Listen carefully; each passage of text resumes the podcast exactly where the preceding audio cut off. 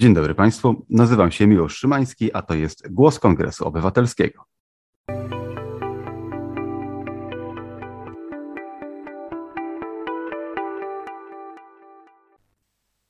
Dziś zajmiemy się jednym z najpoważniejszych i mam nadzieję już w miarę uświadomionych zagrożeń, jakie na nas czyhają, mianowicie dezinformacją, która jest sączona do naszych mediów, zarówno tych tradycyjnych, jak i społecznościowych, która to w sposób, pytanie jeszcze jaki, tego się dzisiaj dowiemy, wpływa na nasze życie. A moim gościem jest dzisiaj pani Martyna Bildzikiewicz, Head of Eastern Stratcom Task Force, czyli unijnej agendy zajmującej się zwalczaniem rosyjskiej dezinformacji. Dzień dobry pani. Dzień dobry, dziękuję za zaproszenie. To może zacznijmy od tego, na ile w tej chwili, na podstawie pani pracy jako szefowej tego zespołu, może Pani powiedzieć, że zagrożenie ze strony dezinformacji rosyjskiej jest duże? To zagrożenie jest duże od lat. Jednym z problemów w naszej pracy jest to, że bardzo często i słusznie spotykamy się z takim oczekiwaniem, e, że mamy powiedzieć, czy dezinformacji jest więcej, czy jest jej mniej, czy właśnie ona się zwiększyła, czy się zmniejszyła. To nie jest takie proste i to nie jest e, najbardziej istotny punkt odniesienia tak myślę. E, biorąc pod uwagę to, że kampanie dezinformacyjne, szczególnie te pochodzące z Kremla, są obliczone na wiele lat i są z nami od wielu lat. E, dlatego mogę powiedzieć, że zobaczyliśmy wzrastającą, zaostrzającą się retorykę kilka miesięcy przed tym, zanim Rosja zaatakowała Ukrainę w lutym, ale trudno jest y, powiedzieć, opisać całe to zjawisko w taki sposób bardzo ilościowy, właśnie czy czegoś jest więcej, czy czegoś jest mniej.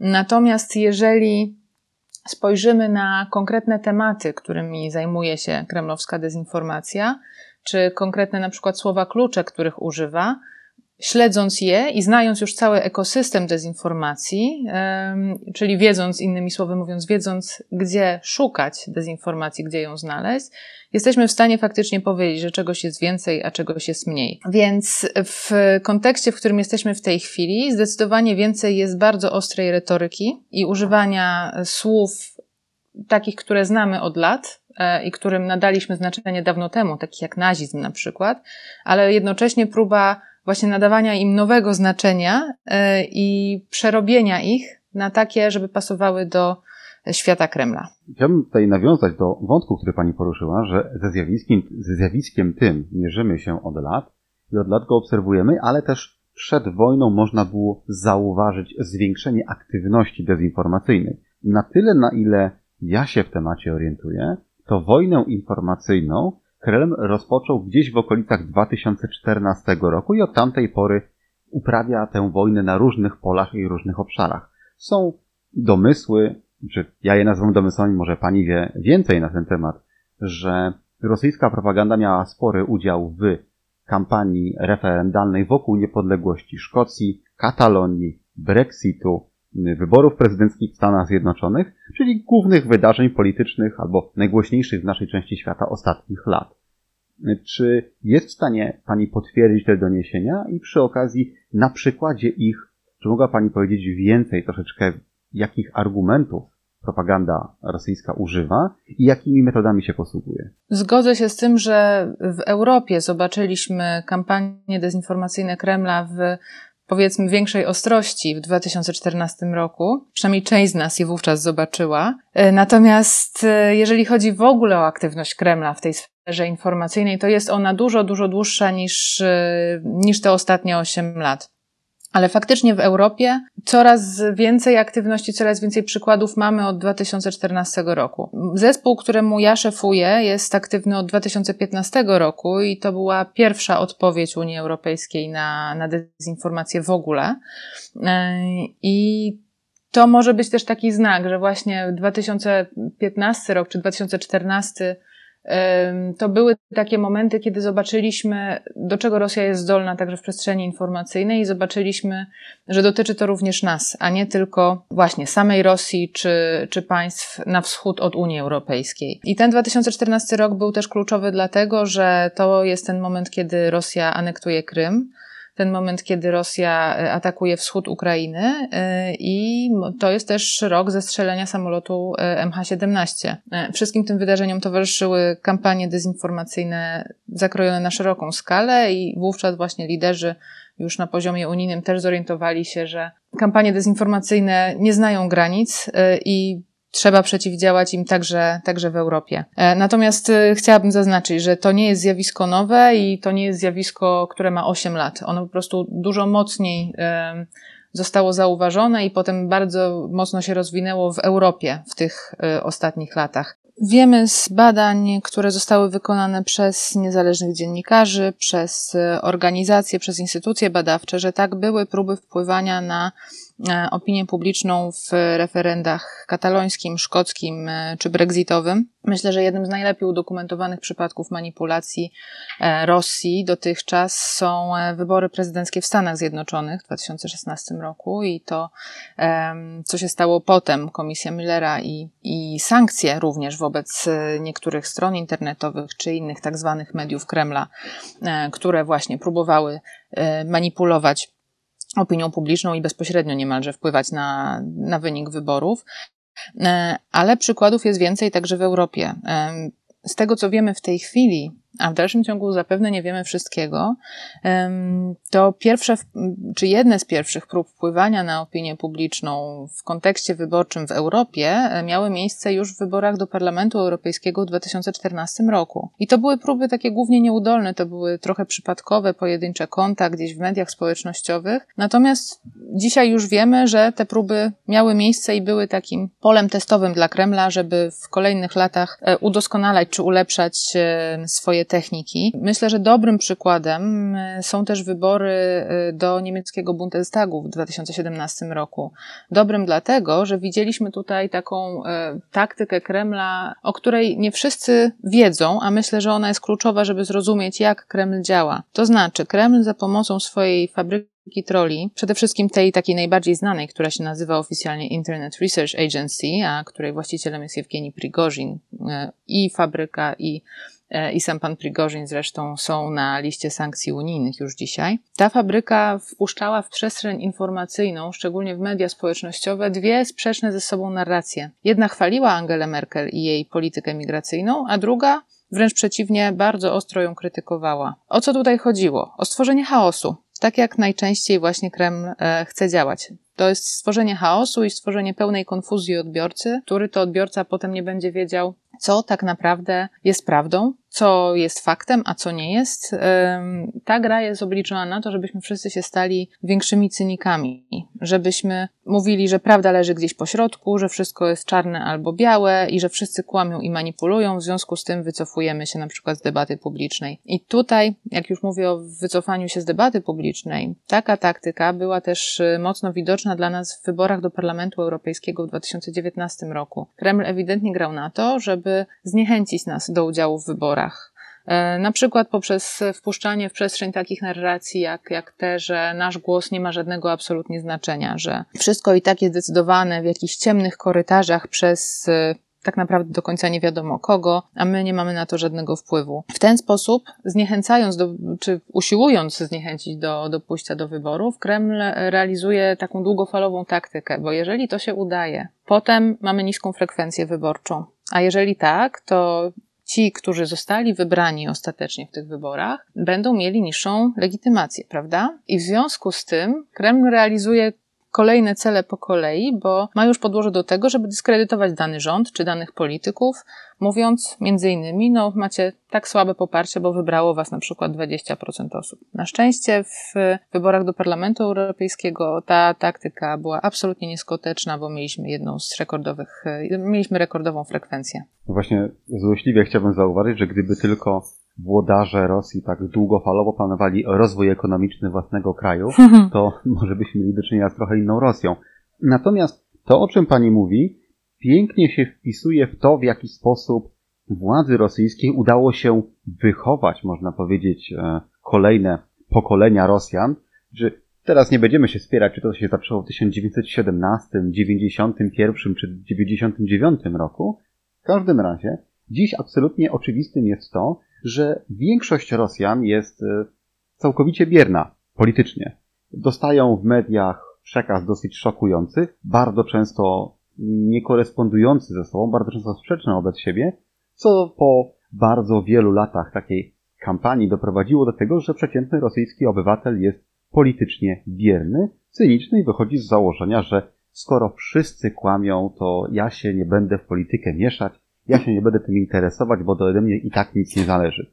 To jest piękna projekcja tego też, w jaki sposób działa państwo rosyjskie na to, jak oni sugerują, że działają nasze państwa, a wiemy, że działają one troszeczkę inaczej. Natomiast czy wydaje się pani, że w związku z tego typu kampanią, czy są jakieś widoczne efekty sukcesów tej kampanii? Bo mówiła Pani o tej kampanii do Parlamentu Europejskiego, wychodzi to, że tam nie. Ale czy są jakieś przykłady, kiedy to się udało? Myślę, że niestety to, jak e, funkcjonuje w tej chwili społeczeństwo rosyjskie, jest e, niestety dobrym przykładem tego, jak właśnie działa e, rosyjska dezinformacja i manipulacja. I oczywiście wszelkie badania opinii publicznej, które mamy w tej chwili do dyspozycji, należy konsumować z co najmniej łyżką soli nie jesteśmy w stanie zweryfikować, y, co tak naprawdę jest w głowach i duszach Rosjan w tej chwili, szczególnie tych, którzy są, czy głównie tych, którzy są ciągle w Rosji.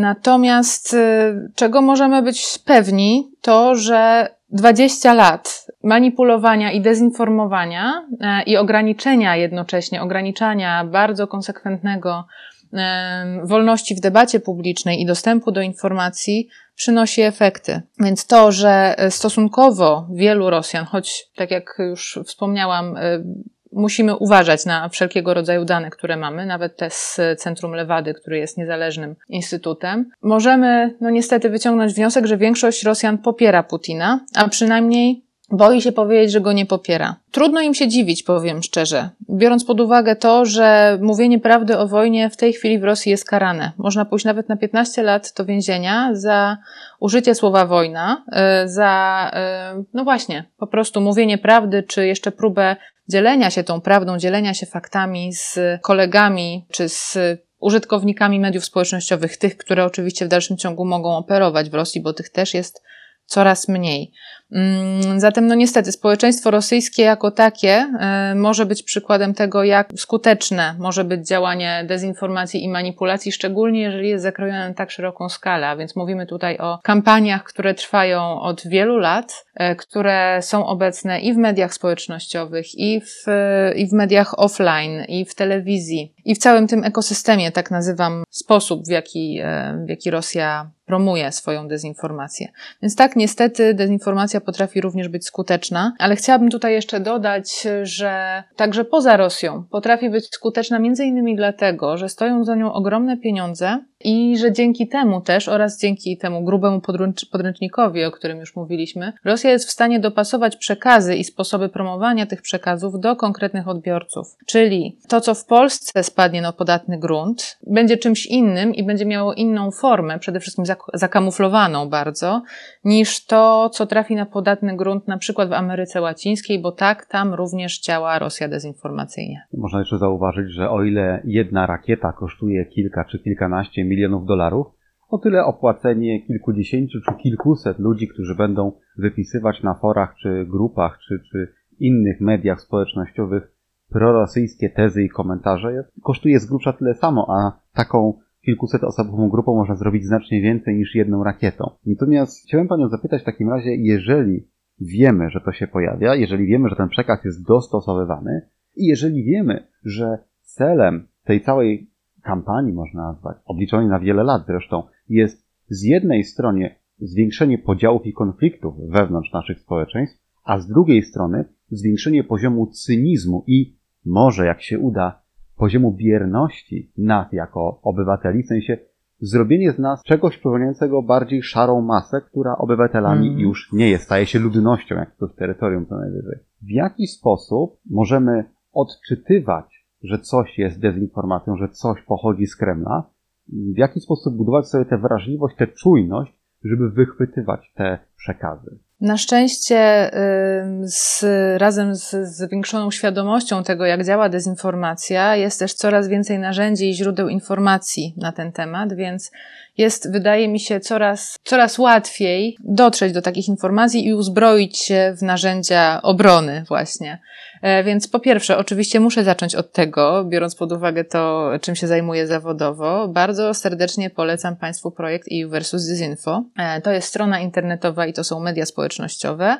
E, wszystkie treści są po angielsku i po rosyjsku. Część jest już dostępna także w języku polskim i w języku ukraińskim, a także w kilku innych językach. Pracujemy nad tym, żeby jak najwięcej treści było w języku polskim. Co możemy zrobić? Możemy właśnie na przykład wejść na stronę EU versus Disinfo i poczytać o tym, jak działa dezinformacja. E, możemy skorzystać również bardziej lokalnie z pracy fantastycznych organizacji fact-checkingowych, e, które w Polsce działają.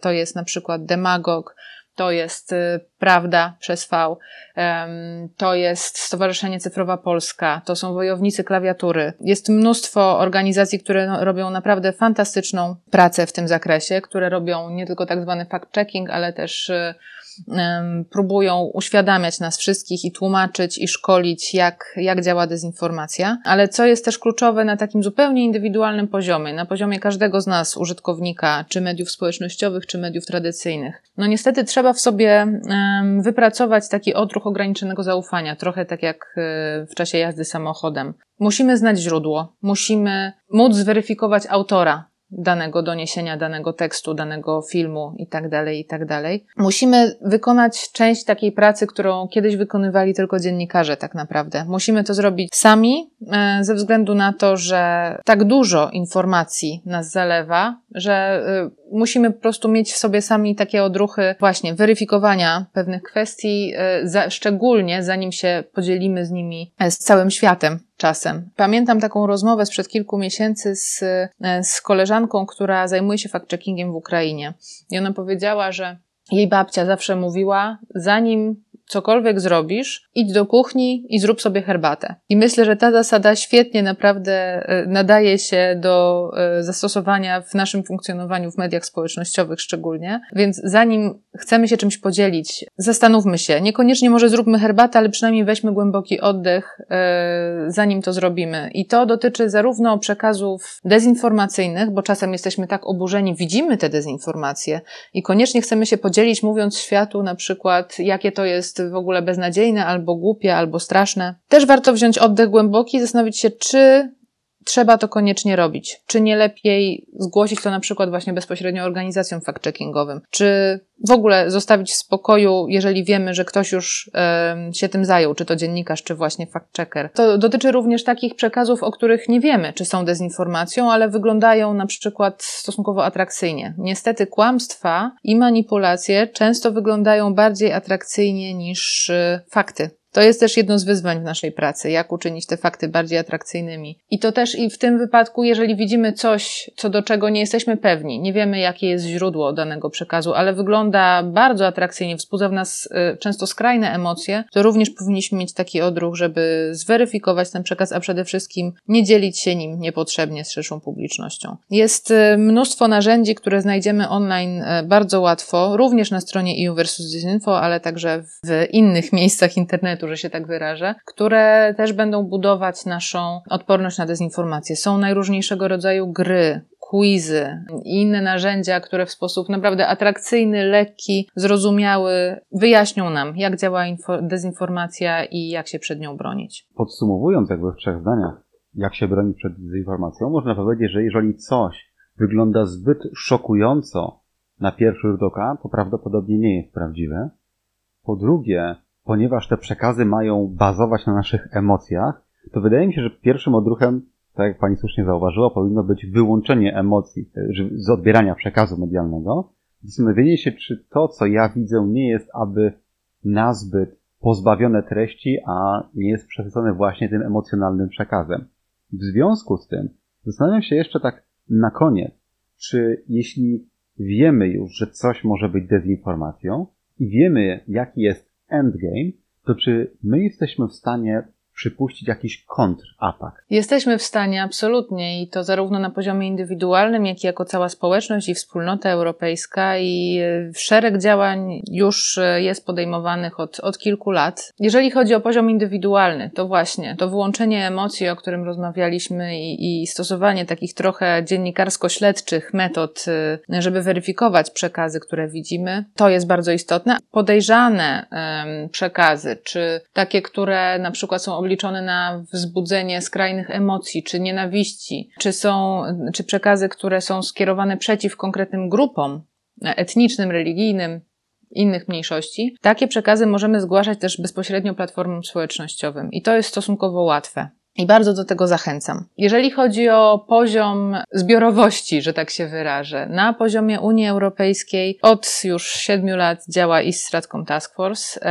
który, który ma takie trzy filary działania. Po pierwsze to jest właśnie projekt EU versus Disinfo, czyli taka bezpośrednia reakcja na dezinformację plus uświadamianie, zwiększanie świadomości tego, jak działa dezinformacja i jak się przed nią bronić. Po drugie, wsparcie niezależnych mediów. My się zajmujemy akurat wschodem, e, więc e, to wsparcie dotyczy przede wszystkim e, krajów na wschód od, od Unii Europejskiej. I po trzecie, tak zwana proaktywna komunikacja, czyli też staranie się, żeby w przekazie, żeby w przestrzeni informacyjnej były też fakty i był nasz przekaz, który jest oparty na faktach. Więc nie chodzi tutaj tylko o reaktywność, ale też właśnie zapewnienie, że, że fakty są już w, w przestrzeni publicznej i że docierają do publiczności. To jest jeden zespół tylko, ten, którym, którym ja kieruję, ale jest cały szereg działań na poziomie Unii Europejskiej jeszcze innych. To jest bardzo istotny element, taki jak monitorowanie i analiza tej przestrzeni informacyjnej, bo żeby wiedzieć, co zrobić z danym zagrożeniem, danym fałszywym przekazem, musimy zrozumieć, skąd on się wziął, jak się rozprzestrzenia i tak dalej, i tak dalej. Poza tym właśnie budowanie odporności, zarówno wśród obywateli Unii Europejskiej, jak i e, obywateli e, innych państw, innych regionów, które współpracują z Unią Europejską, ale też e, cały obszar polityczny, którego jeszcze kilka lat temu nie było, a teraz bardzo dynamicznie się rozwija. E, częścią tego obszaru są na przykład sankcje, które, którymi objęliśmy innymi dwie największe tuby propagandowe Kremla, Arti i Sputnik, a także trzy inne stacje telewizyjne rosyjskie, które są odpowiedzialne za rozprzestrzenianie e, propagandy wojennej i uzasadniania zbrodni wojennych Rosji. Ta praca ciągle się toczy. Państwa członkowskie Unii Europejskiej e, same też podejmują cały szereg działań, zarówno e, dla kraju jako takiego, na rzecz jego bezpieczeństwa, również bezpieczeństwa informacyjnego, ale także na rzecz edukacji obywateli. No i są oczywiście organizacje pozarządowe i dziennikarze. E, chwil, troszeczkę już o nich mówiliśmy. Zatem i oczywiście nie można zapomnieć o tym, że odpowiedzialność spoczywa także na platformach społecznościowych, które między innymi dzięki nowemu prawu akcji o, o, o usługach cyfrowych, będą miały te platformy zdecydowanie większą odpowiedzialność, w, jeżeli chodzi o walkę z dezinformacją. Zatem, jeżeli mówimy o zagrożeniu dezinformacją, odpowiedzi na to zagrożenie, to musimy pamiętać, że wysiłek na rzecz minimalizacji tego zagrożenia musi się odbywać na każdym poziomie. To jest nasz wspólny wysiłek. Musimy wszyscy działać razem, bo inaczej, inaczej to po prostu nie ma sensu. Jeśli jest jeszcze jedna rzecz, nad którą się zastanawiam, bo kiedy ja spotykam się w mediach społecznościowych e, z kimś, kto ewidentnie jest trolem i przepuszcza w przestrzeń taki przekaz, a nie inny, który jest absolutnie absurdalny i wiadomo, że nie ma nawet sensu z nim rozmawiać. I że taki jest mój odruch. Mój odruch jest taki, żeby ignorować e, tego typu komunikaty, a jeżeli ich treści jest coś, co można by zgłosić, to zgłaszam. Natomiast zastanawiam się, czy, czy robię dobrze, czy nie lepiej byłoby spróbować z nimi wejść w, jaką pole, w jakąś polemikę, tym samym zapewniając im większe zasięgi. Nie ma na to jednej odpowiedzi, obawiam się. To wszystko zależy od kontekstu i od tego, z kim pan faktycznie rozmawia. Jeżeli widzi pan trola, któremu zależy tylko i wyłącznie na tym, żeby trollować, to faktycznie w którymś momencie rozmowa przestaje mieć sens. E, I właśnie szczególnie to robienie zasięgów. Natomiast jeżeli mamy do czynienia z autentyczną osobą, która ma wątpliwości, która ma pytania, to myślę, że zawsze warto się zaangażować i próbować rozmawiać. Okej. Okay. Myślę, że w tym miejscu możemy zakończyć przyspieszony kurs rozpoznawania i radzenia sobie z rosyjską dezinformacją, trollami oraz ich propagandą sączoną do naszych mediów wykorzystujących wolność słowa, którą tutaj, w tej części świata mamy. Ja dziękuję Pani pięknie za rozmowę. Dziękuję bardzo. A moim gościem była Pani Martyna Wildzikiewicz, Head of East Stratcom Task Force, czyli unijnego zespołu zajmującego się zwalczaniem rosyjskiej propagandy.